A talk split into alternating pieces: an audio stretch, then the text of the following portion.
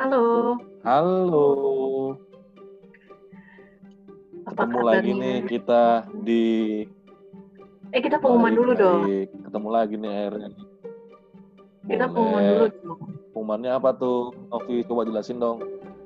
Jadi, ding ding kita ganti nama dari Let's Talk jadi Let's Talk Podcast.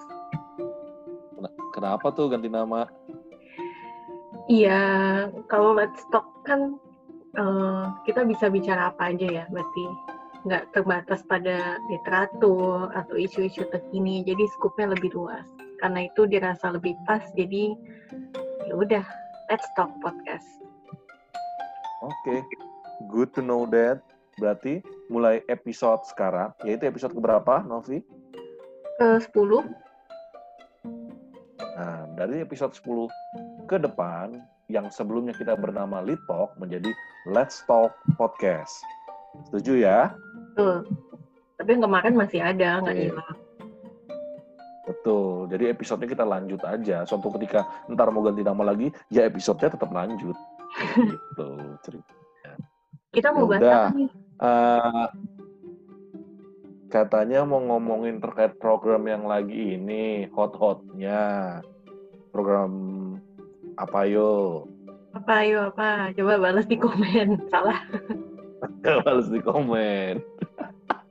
ya udah, jadi nama programnya adalah program Kartu Prakerja. Wah, itu Nah. lagi hot banget tuh di berita, di medsos.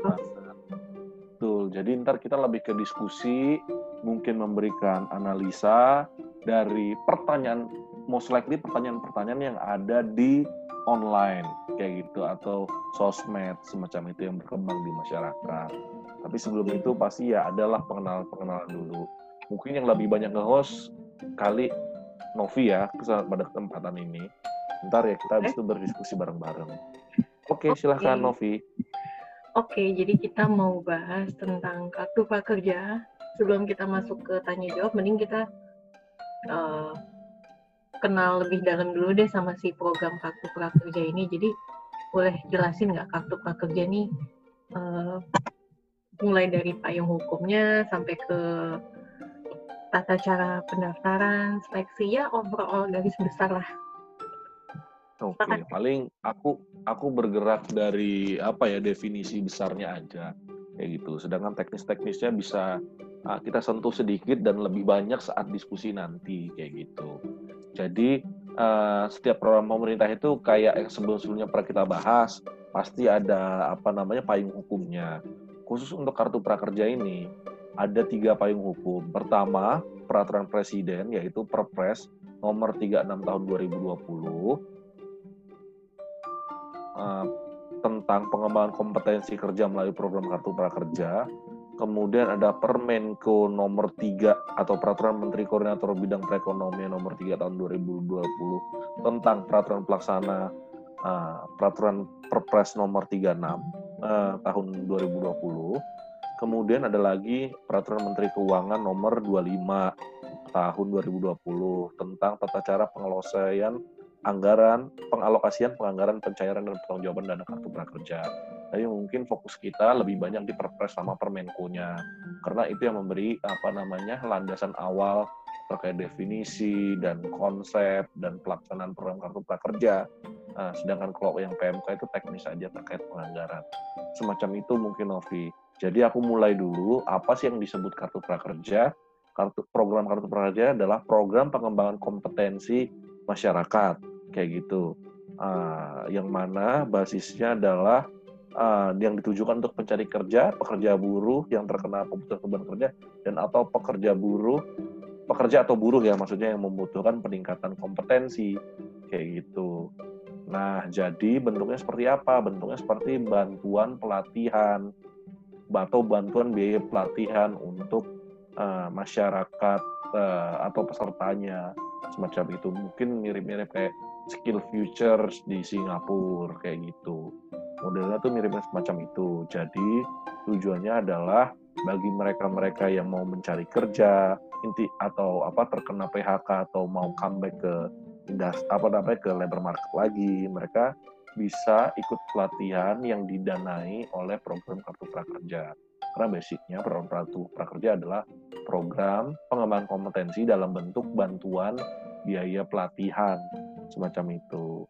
Nah, tapi mungkin langsung spesifik ke kondisi sekarang berhubung kayaknya ada covid ah, bukan kayaknya berhubung ada covid ini sehingga dilakukan refocusing sementara. Karena dulu kayaknya saya dengar-dengar di berita itu dananya 10T tahun 2020 tapi tiba-tiba jadi 20T kayak gitu itu bentuk refocusing yang terjadi dalam program kartu prakerja. Kayak gitu. Jadi yang sudah direfocusing artinya apa? Berarti ada adjustment dari info-info sebelum terjadinya COVID terkait program kartu prakerja kayak gitu. Misal yang refocusing terjadi adalah uh, sekarang lebih diutamakan untuk mereka-mereka yang terkena pemutusan hubungan kerja atau dirumahkan terlebih dahulu. Kedua, refocusing lagi diutamakan untuk pelatihan yang berbasis online karena sensitif COVID. Padahal desain awalnya ya bisa online, bisa offline. Kayak gitu. Kemudian apalagi uh, besaran bantuannya. Jadi sekarang ini setelah refocusing, besaran manfaat yang didapatkan oleh uh, peserta kartu prakerja itu paling tidak ada tiga hal. Pertama, biaya bantuan biaya pelatihannya itu sebesar satu juta untuk uh, kursus atau pelatihan. Kedua, ada insentif pelatihan, yaitu besaran uh, yaitu bantuan yang diterima oleh peserta setelah menyelesaikan pelatihan yang pertama yaitu besarannya adalah 600.000 per bulan dan diberikan selama empat bulan ke depan. Nah, artinya mendapat total ban uh, total insentif sebesar 600 dikali 4 berapa tuh 2,4 juta ya.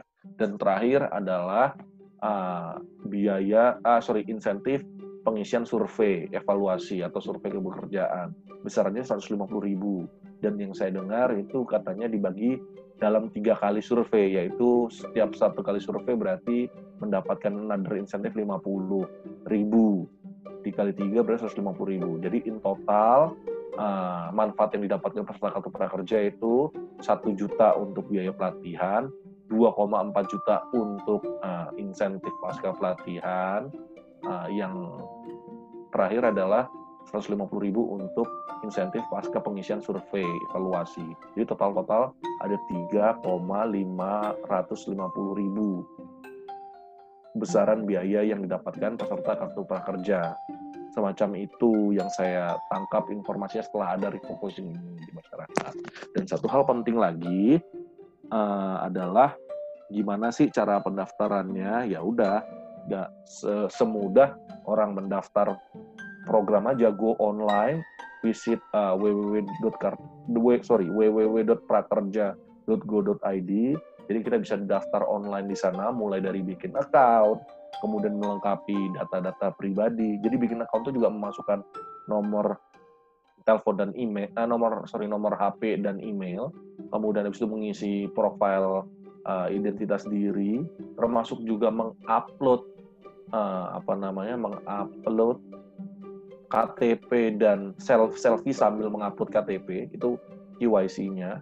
Nah setelah itu baru apa namanya mereka uh, apa namanya diverifikasi kayak gitu melalui Dapodik dan apa uh, melalui Dukcapil dan juga Dapodik uh, ke Mendikbud dan setelah itu kalau mereka lolos dan eh selanjutnya setelah verifikasi mereka mengikuti uh, tes atau seleksi awal yang mana itu bentuknya adalah kompetensi dasar dan motivasi karena apa namanya tentu pemerintah ingin memberikan bantuan pelatihan pada orang-orang yang memiliki motivasi dan juga apa namanya uh, punya liter, apa ya kompetensi dasar yang mencukupi untuk tadi bisa membaca instruksi semacam itu. Jadi ada kayak kompeng, apa namanya tes untuk uh, kompetensi dasarnya selain motivasi. Nah kalau udah lolos baru mereka bisa memilih pelatihan semacam itu Oh iya, aku lupa jelasin satu hal. Syaratnya untuk bisa daftar kartu prakerja, satu harus WNI, kedua berusia minimum 18 tahun, kayak gitu. Ketiga tidak sedang mengikuti pendidikan formal. Oleh karena itu tadi ada verifikasi dapod, uh, verifikasi dukcapil dan verifikasi dapodik Kemendikbud. Dukcapil itu untuk mengecek tadi kebenaran data-datanya termasuk usia 18 tahun. Yang dapodik adalah mengecek orang tersebut sedang dalam pendidikan formal atau sudah selesai atau sudah keluar dari pendidikan formal.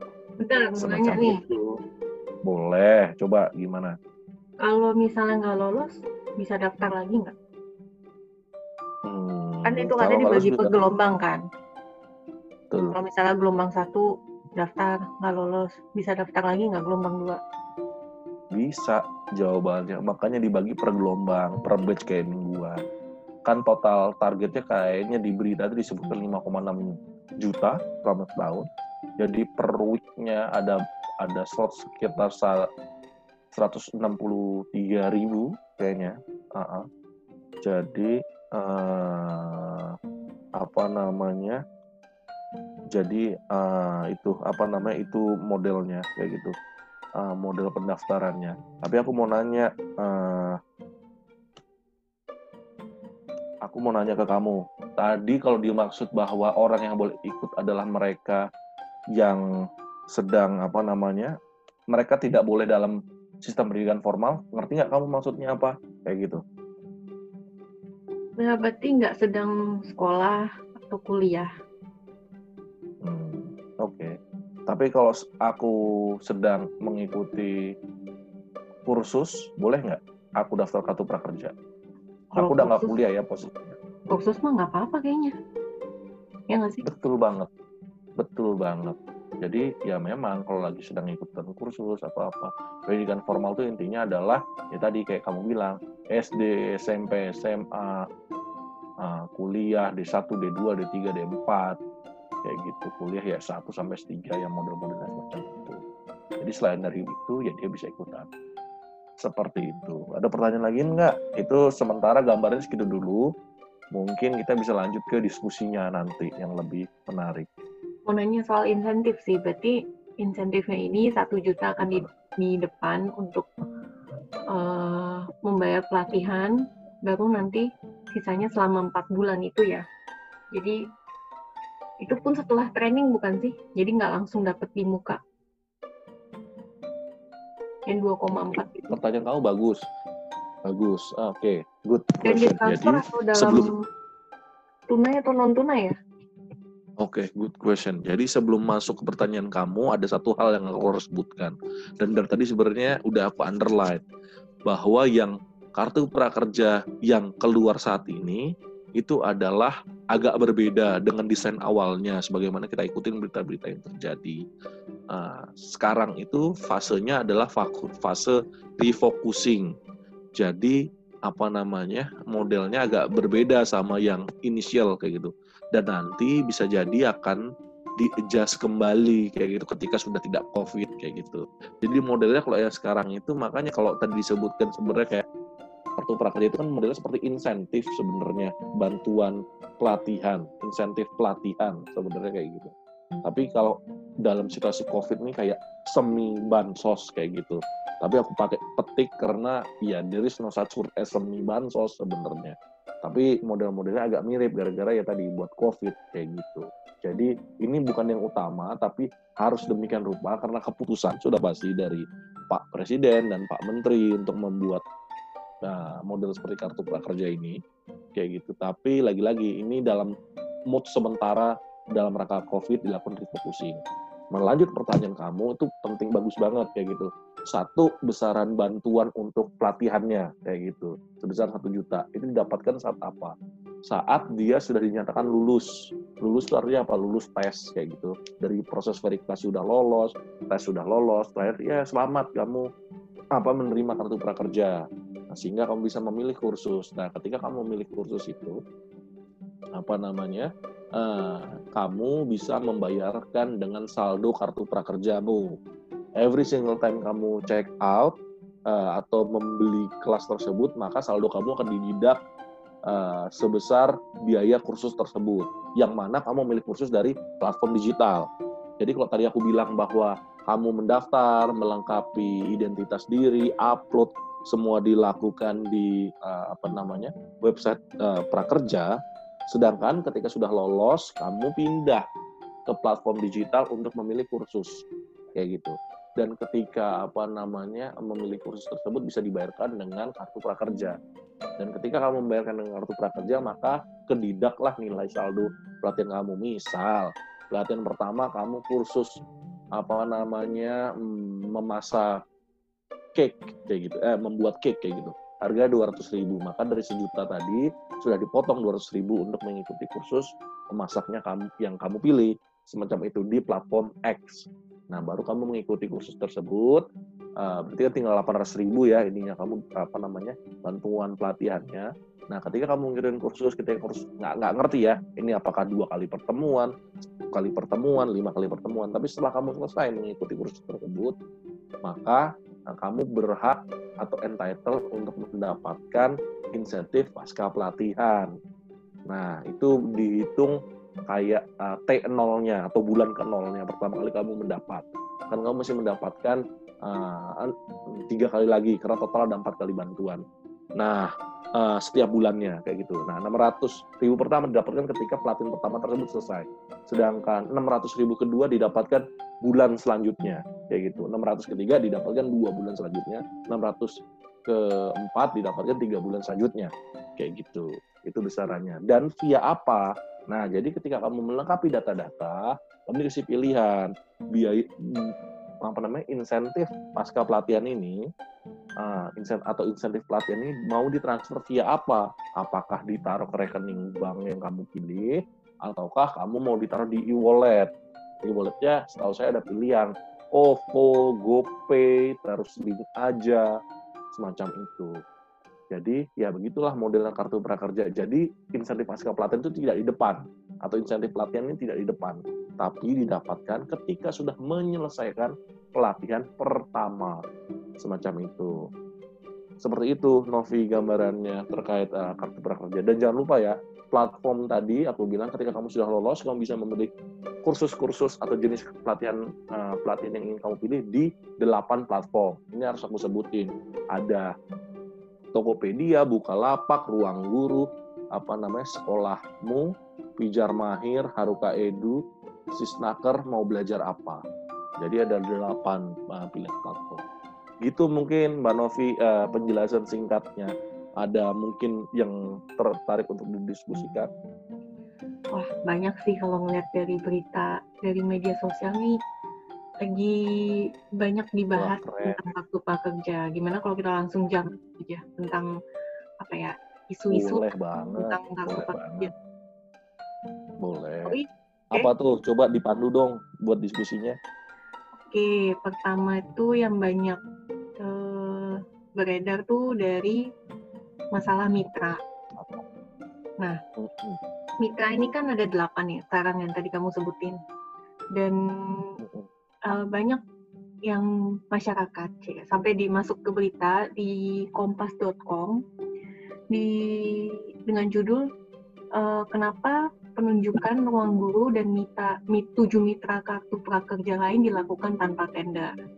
Ada yang menyebutkan uh, oh ini takutnya konflik of interest apalagi salah satu CEO-nya CEO ruang guru ya Mas Belva kemarin kan sempat jadi staff sus walaupun sekarang sudah mundur. Tapi kan posisinya saat tujuh mitra itu ditunjuk eh delapan mitra itu ditunjuk dia adalah staff sus. Dan banyak uh, isu yang beredar bahwa ya karena dia staff sus makanya dipakai gitu. Apakah tidak menjadi konflik of interest? Menurut kamu gimana? Wah pertanyaannya berat banget nih. Nah, aku jawab yang ruang guru dulu kali ya. Hmm, sebenarnya long story short apakah aku tahu jawabannya? Tidak tahu. Karena ya ya tadi maksudnya hmm, yang bisa aku lakukan adalah menganalisa kayak gitu. Tapi kayaknya informasinya kalau menurut aku wacana yang ada di publik itu uh, agak kurang balance. Karena aku berpikir ada analisa lain yang cukup masuk akal juga terkait apa namanya kondisi ruang guru tersebut. Kan tadi disebutkan bahwa ada delapan mitra kayak gitu. Nah, ruang guru adalah salah satunya. Artinya kalau dia memang harusnya konflik of interest, kenapa nggak hanya ruang guru atau perusahaan-perusahaan lain yang apa namanya uh, yang hanya yang terkoneksi dengan dengan apa namanya uh, Belva kayak gitu atau staff sus. Ini faktanya hanya satu yang ada adalah ruang guru kayak gitu kan padahal yang lain ada Tokopedia ada Bukalapak mau belajar apa, bicara mahir, sekolahmu, Haruka Edu, Sisnaker. Nah, mereka itu adalah other platform kayak gitu. Uh, dan apa namanya mereka datang karena mereka masuk karena mereka punya kualitas tentunya. Contoh, ruang guru kenapa kenapa kenapa apa namanya menurut aku kenapa layak untuk masuk ya gara-gara they are the big player dan mereka udah punya know-how-nya, pengalaman di terkait industri apa ya, uh, marketplace, terus pembuatan materi online untuk terkait bidang pendidikan, semacam itu. Jadi, I think bukan karena Belvanya mungkin ya dari analisis aku, tapi lebih ke ruang guru has power, has knowledge, has something yang bisa set quality dan standar semacam itu. Oke, ada pertanyaan, Manovi? Uh, berarti nanti pemilihan mitra selanjutnya itu akan dilakukan dengan tanda karena berdasarkan Permenko nomor 3 tahun 2020 disebutkan platform digital yang ingin turut serta dalam program kartu prakerja harus memenuhi beberapa kriteria. Yang pertama, memiliki cakupan layanan minimal berskala nasional, kedua sistem informasi dan teknologi memadai, dan portal, situs atau aplikasi daring yang dapat digunakan untuk fasilitas program kartu prakerja. Jadi, apakah mitra selanjutnya akan dilakukan tender? Nah, atau pertanyaan kamu bagus banget. Pertanyaan kamu bagus banget, kayak gitu. Jadi yang tadi kan ruang guru seperti itu ya, Novi, kondisinya. Tapi ruang guru nggak sendirian, ada yang lain lagi, Tokopedia, Bukalapak, mereka juga big player di marketplace kayak gitu. Dan ada lagi yang di bidang pendidikan lainnya kayak mau belajar apa, kayak apa namanya sekolahmu, uh, Haruka Edu kayak gitu. Ada Pijar Mahir yang juga punya Telkom, ada juga si Snaker yang punya Kemenak apa Kemenaker Trans. Sehingga uh, uh, sorry Kemenaker karena uh, sehingga apa? Artinya di sana itu set of platform digital yang punya quality dan mengizinkan terjadinya kompetisi yang sehat. Oleh karena nggak di capture oleh satu atau dua perusahaan saja. Ya gitu. Jadi untuk masalah apa namanya tadi konflik of interest atau apa harusnya termitigasi karena jumlah yang banyak kayak gitu. Jangan terlalu khawatir kalau menurut aku. Terus ke depannya gimana? Tadi di awal apakah open tender atau apa? Jawabannya aku nggak ngerti. Karena saya kan bukan apa namanya manajemen pelaksananya bukan Kemenko selaku apa namanya uh, bagian dari komite atau kementerian terkait. Dari apa namanya uh, selaku orang yang ada di komite kayak gitu. Sehingga apa namanya saya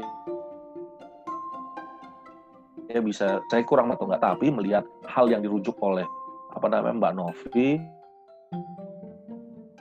dari Permenko ya tadi yang dibaca itu.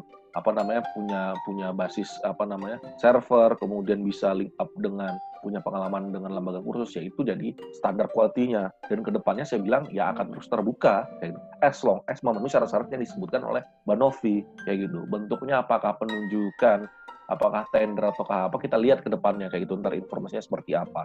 Yang jelas adalah harusnya itu represent quality ya kayak gitu. Artinya gini loh kalau itu udah memenuhi syarat-syarat tersebut lantas apa yang selanjutnya dilakukan?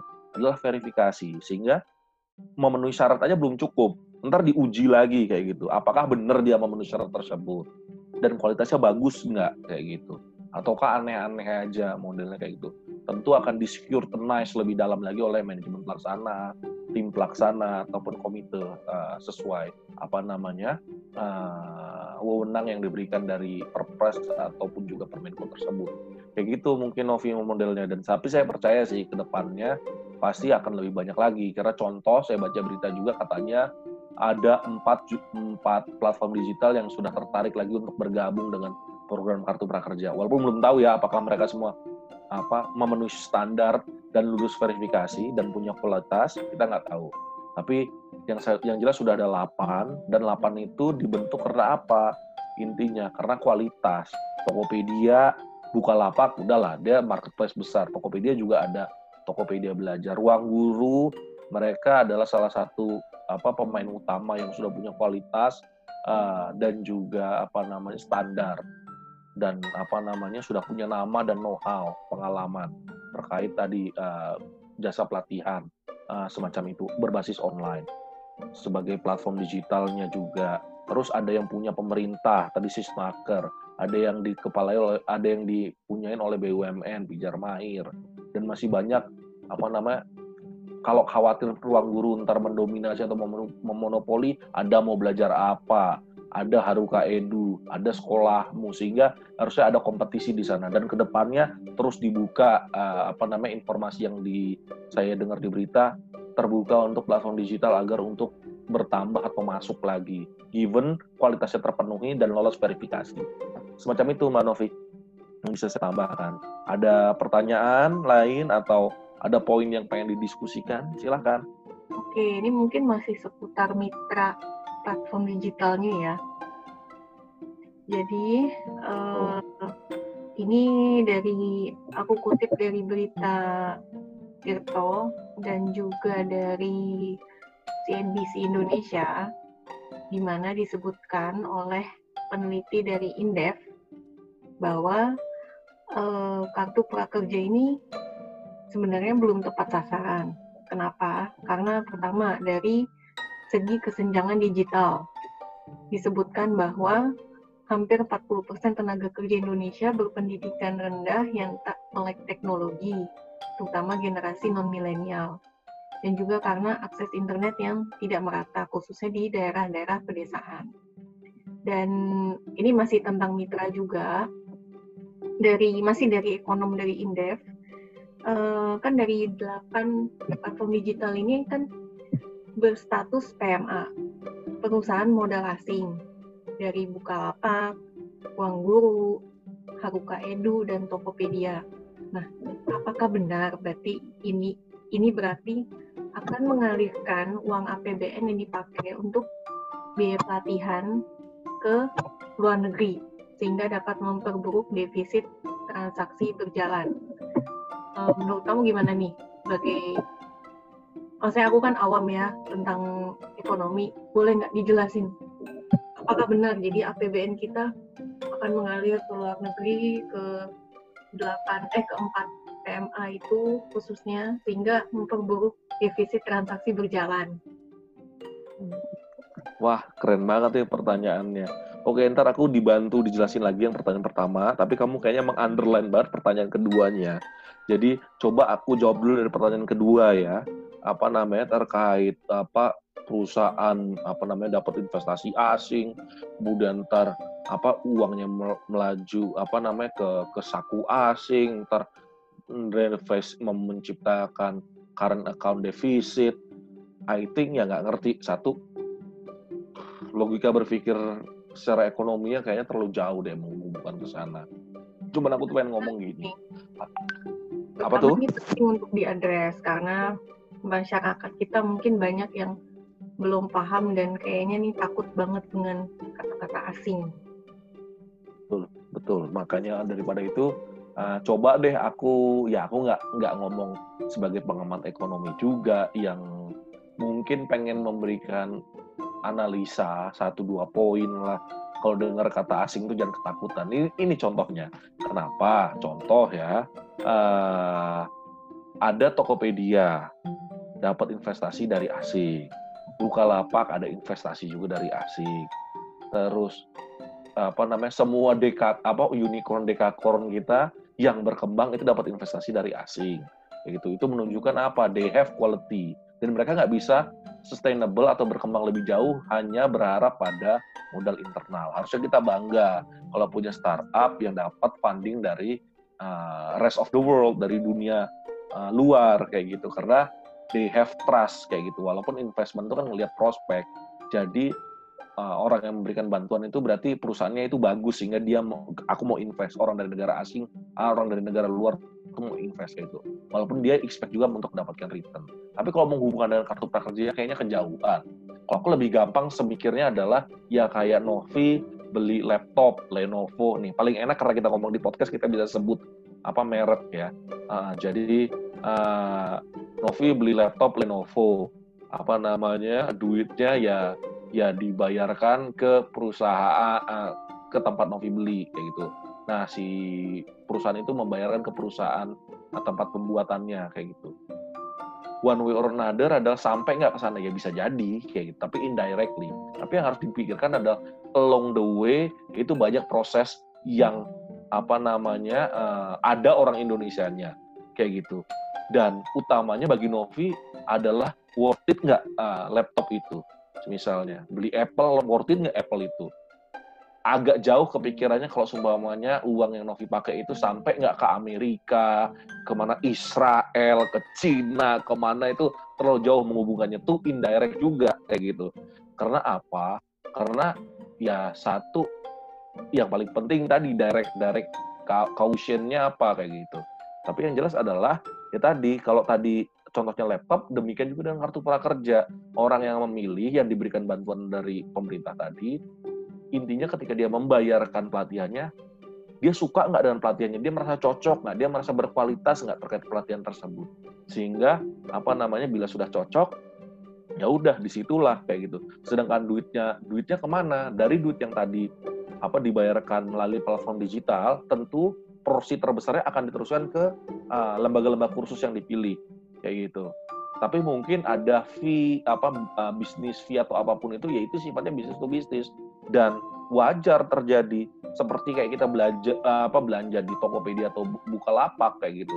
Kalau saya adalah perusahaan yang pengen jualan baju di Bukalapak atau Tokopedia atau other apa namanya uh, marketplace, ya saya bisa jadi ada fee-nya kayak gitu. Uh, dan itu ya ya wajar karena ya bisnis fee aja kayak gitu. Dan besarannya ya menurut saya harusnya diputuskan secara bisnis to bisnis. Kalau dirasa bahwa satu marketplace dirasa lebih terlalu mahal, si apa namanya uh, saya bisa pilih marketplace lain. Demikian dengan lembaga kursus ngerasa term of trade-nya tidak menguntungkan di satu platform digital bisa lari ke tempat lain kayak gitu. Jadi menurut saya itu decision business to business dan terkait menghubung-hubungkan sampai duit lari ke asing atau apa isu terlalu jauh lah dan too much kalau berpikir sejauh itu. Kayak gitu kalau menurut aku sih. Terus apa bisa namanya yang fokus di, adalah bisa nggak dikatakan bahwa ya one way or another ya mungkin investor itu akan merasakan manfaatnya tapi nggak direct dalam bentuk APBN kita. Betul. Dan yang kedua adalah apa namanya investor itu dan dan itu investor wajar untuk mendapatkan keuntungan tentunya. Karena that's the reason kenapa dia invest kan karena dia ngelihat ada prospek kayak gitu. Yang kedua adalah kok kayaknya aku nggak terlalu percaya ya kayak pendapatan terbesar mereka itu akan dari APBN atau dari program kartu prakerja yang enggak lah investor itu naruh duit di ruang guru karena ruang guru punya core apa namanya uh, dari bisnis uh, apa namanya uh, pelatihan online. The same way ketika investasi Tokopedia juga kayak gitu. Bisnisnya banyak banget, nggak cuman terkait apa namanya kartu prakerja. Dan yang terbesar adalah core bisnis mereka yaitu marketplace tadi yang dari pelapak-pelapak semacam itu. Dan investor dapat persen ya biasa. Dari nilai investasinya dia bisa dapat sesuatu hal. Tapi yang harus dipikirkan ketika performa Tokopedia, Bukalapak, apa namanya ruang guru dan lain-lain lah itu yang apa yang dekakorn atau perusahaan-perusahaan besar ini yang sudah mendapatkan suntikan modal uh, asing uh, investor dari luar negeri kalau semua performa mereka naik oke okay, investornya dapat manfaat. Tapi kan kita berharap juga si pekerja mereka dapat manfaat. Bisa ada bonus shareholders nggak ngerti lah atau gaji ke berapa belas. Jadi harusnya berpikirnya itu jangan terlalu xenofobia. Dan kalau dipikir matang-matang kayak tadi kan nggak cuma ke investor bisa ke masyarakatnya juga. Dan paling utama adalah kualitasnya. Si orang-orang apa namanya calon peserta ini memilih apa namanya pelatihan-pelatihan dari lembaga-lembaga yang sudah berkualitas semacam itu contohnya dan punya standar kayak gitu. Bisa dapat sertifikat kayak gitu. Kenapa? Ada pertanyaan? Enggak sih aku cuma mau bilang oh, apa penjelasan kamu ini apa ya? Make sense banget. Terutama untuk masyarakat atau netizen pendengar kita yang mungkin masih takut dengan kata-kata asing. Uh, ya mungkin bisa dibilang ya udah itu apa ya logikanya terlalu jauh untuk dari APBN sampai ke investor. Tapi balik lagi yang kita lihat dulu apa manfaatnya kan dari program pelatihan ini gitu. Betul banget, betul banget ya. Tadi kayak beli laptop Lenovo dari Cina, beli Apple dari Amerika, ya duitnya bisa nggak sampai ke Amerika? Ya bisa jadi sampai kayak gitu. Duitnya langsung ke Tim Cook Iya, makanya tapi langsung ke tim cook nggak? Nah, pertanyaan kamu pinter banget tuh. Tapi langsung ke tim cook nggak?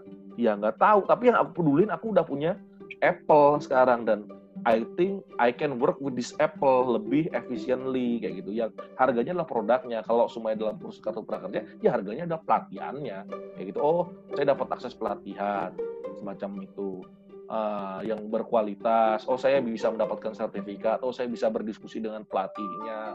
Saya bisa mendapatkan PR atau bertanya. Ya, semacam itulah. Please remind me uh, pertanyaan yang pertama. Tapi kalau sebelum itu kamu punya apa namanya maaf, pertanyaan lanjutan, monggo silakan. Oh, enggak sih, menurut aku sih penjelasan kamu udah cukup, udah bagus banget tentang masalah APBN kita ini ya. Semoga pendengar kita juga menjadi lebih apa ya teredukasi dan lebih smart dalam menganalisa informasi ya. Itu sih harapannya. Oke, pertanyaan Banget. pertama itu hmm, mengutip berita dari mana tuh tadi aku baca. Oh, dari CNBC.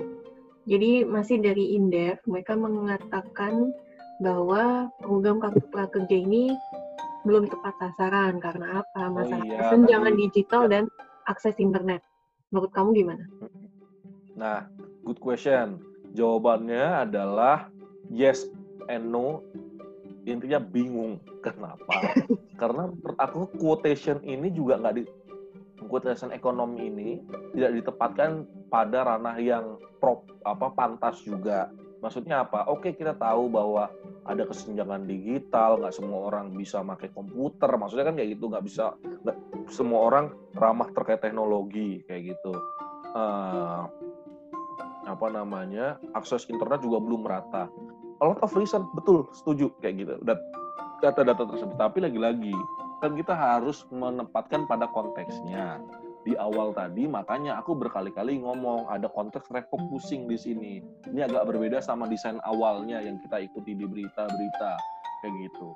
Nah, artinya apa? Dalam satu jawabannya adalah dalam situasi COVID semacam ini kayak gitu ya paling pantas memang pelatihannya dilakukan secara online. Karena kalau dilakukan secara offline, kita nggak COVID sensitif aja. Masa dilakukan berkumpul secara offline pelatihannya?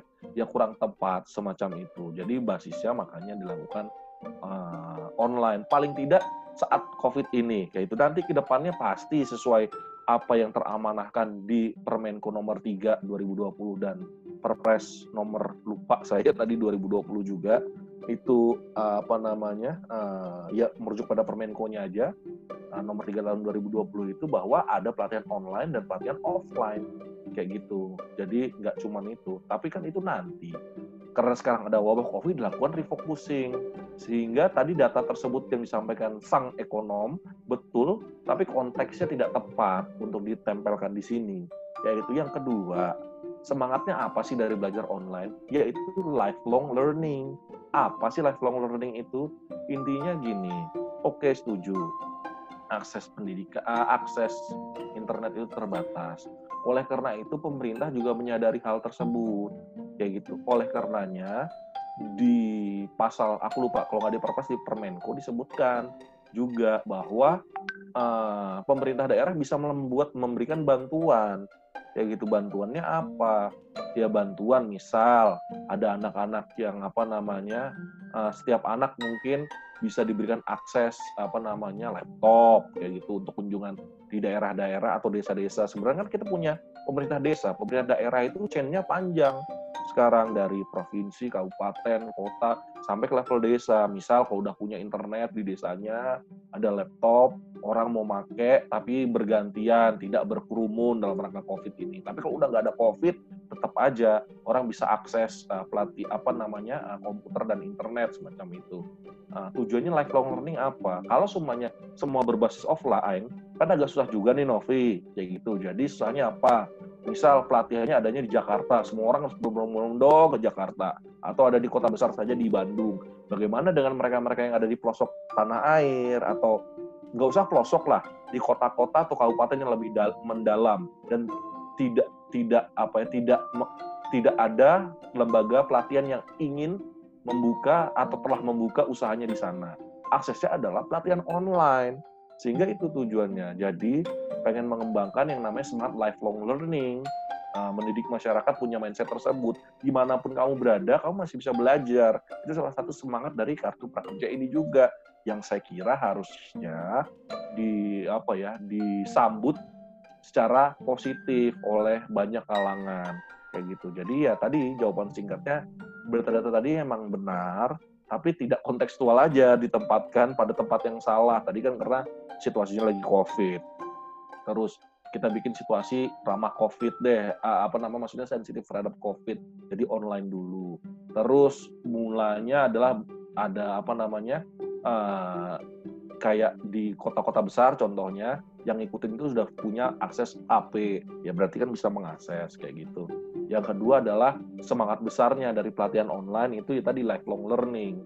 Walaupun nanti kalau sudah tidak COVID pun apa namanya tetap ada pelatihan offline kayak gitu. Kalau yang online juga tujuannya lifelong learning itu kan si pemerintah daerah sama pemerintah desa itu bisa membantu dan setiap orang jadinya bisa mengakses pelatihan di antero Indonesia ini as long as dia punya akses ke internet atau mendapat bantuan internet dan juga teknologi ya laptop atau handphone yang bisa digunakan akses internet.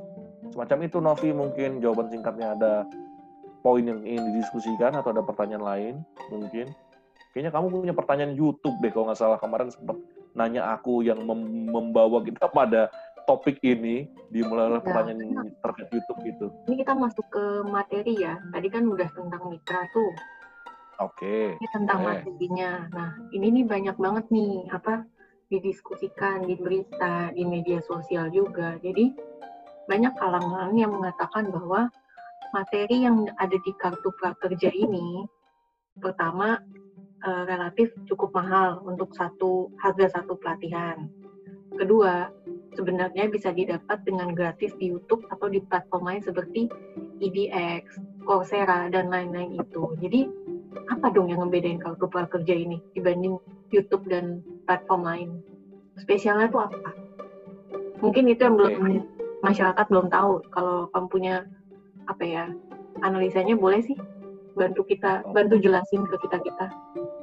Oke, setuju banget. Nah, tapi gini, mungkin ini kita batasi jadi pertanyaan terakhir ya Novi, karena biar nggak panjangan juga uh, ke pendengar kayak gitu. Oke. Dan Karena pertanyaan terakhir boleh nggak tambah lagi? Masih terkait materi sih.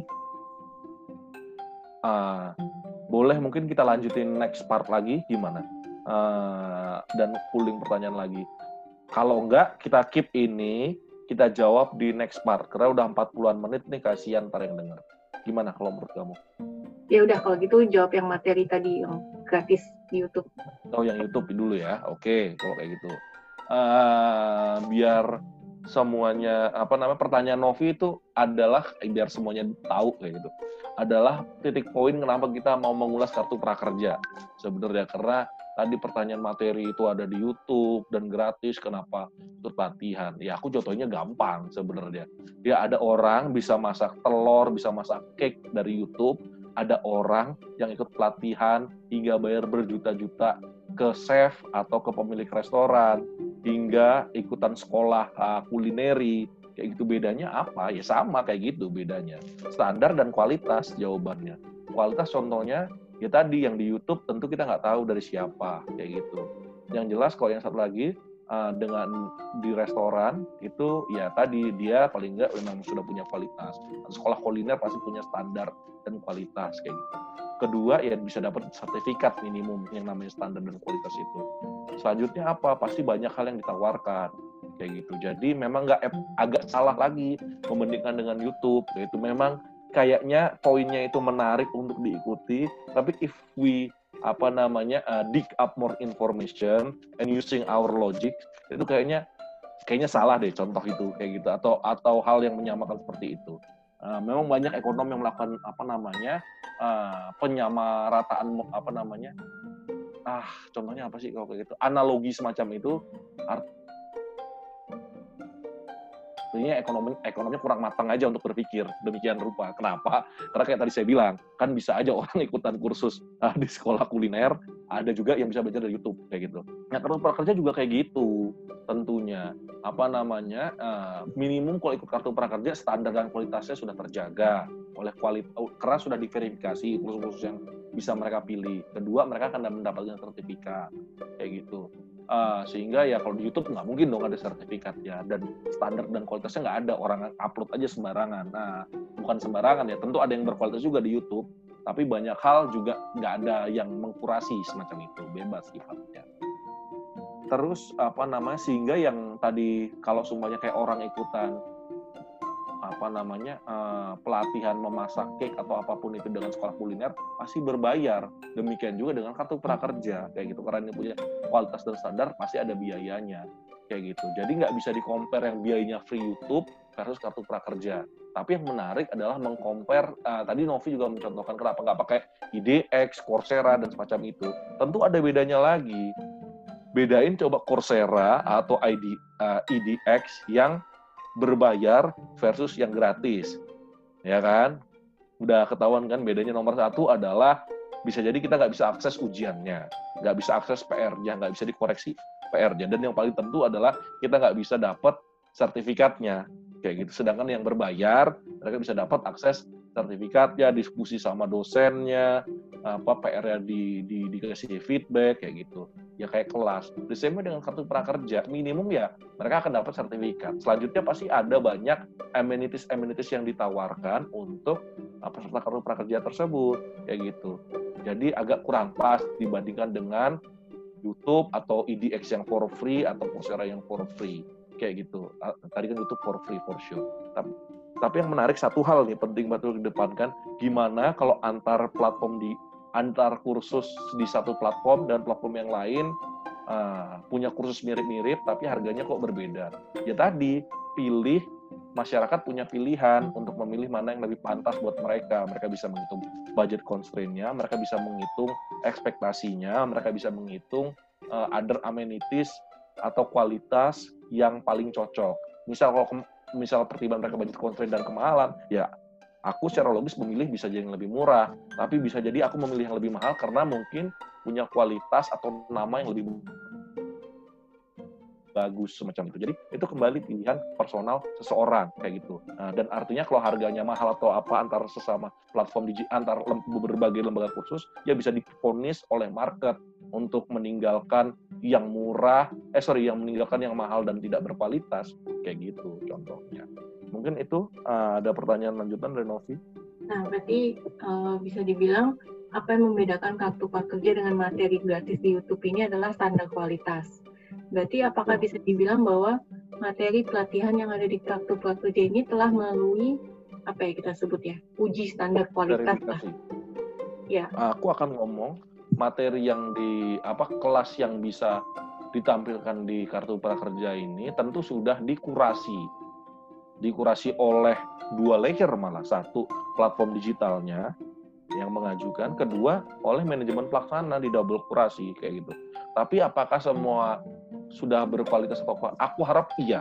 Tapi bagaimana kalau satu dua ada yang melakukan moral hazard dan adverse selection? Ya mereka akan satu difonis oleh pasar. Tadi kalau tadi mereka mahal dan tidak berkualitas, di sisi lain ada kompetisi yang lebih murah atau apa, mereka akan ditinggalkan yang mahal dan tidak berkualitas ini. Itu lama-lama kelasnya juga nggak laku. Tapi itu kan learning process kayak gitu. Yang kedua, pasti juga ada penalti yang ditujukan bila kursusnya itu nggak benar, misalnya abal-abal dalam artian ah, nggak ada absennya, apa manipulatif gitu-gitu itu pasti bisa jadi sampai lembaga kursusnya juga bisa mendapatkan penalti atau malah paling parah di blacklist mungkin pasti ada apa namanya mekanisme uh, stick and carrot, insentif disinsentif hingga punishment. Semacam itu sih Novi kalau aku bilang. Sih sebenarnya. Oke. Mungkin uh, gimana kalau kita batasin sampai ini dulu part pertama. Kita nggak ngerti ya maksudnya apakah next week kita lanjut part kedua atau another topic dulu sembari pooling kartu prakerja lagi kayak gitu.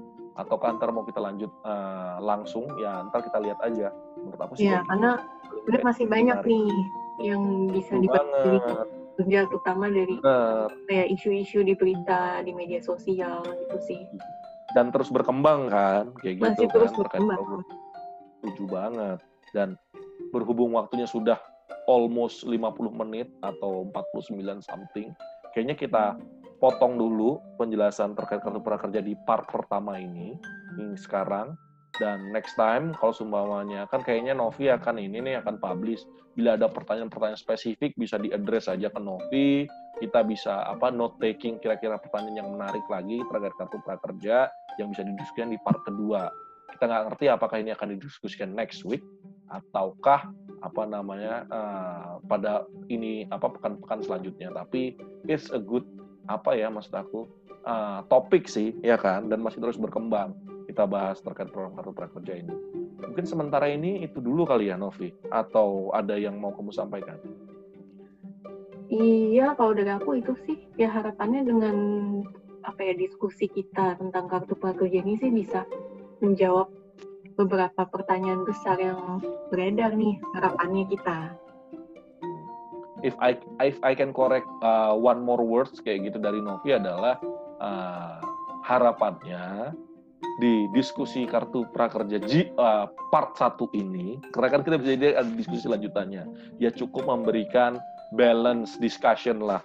Dari uh, analisis analisis yang mungkin terlalu berat sebelah kayak gitu selama ini. Dan kurang ada apa namanya uh, other bukan counter ya narasi penyeimbang atau diskusi yang lebih terbuka terkait uh, program kartu prakerja mungkin kayak gitu sih uh, Novi hmm, menurut aku. Mungkin ke teman-teman uh, kita batasin dulu segitu ya informasinya di episode 10 bukan litok lagi namanya tapi let's talk kayak gitu. Uh, terkait uh, diskusi kartu prakerja part 1 oke okay. ya. Berarti nanti kita sambung di part selanjutnya untuk lebih lanjut lagi ya betul banget kayak gitu. Ya udah uh, stay tune kepada semua pendengar dan see you. Bye bye see you on the next episode. Bye. Bye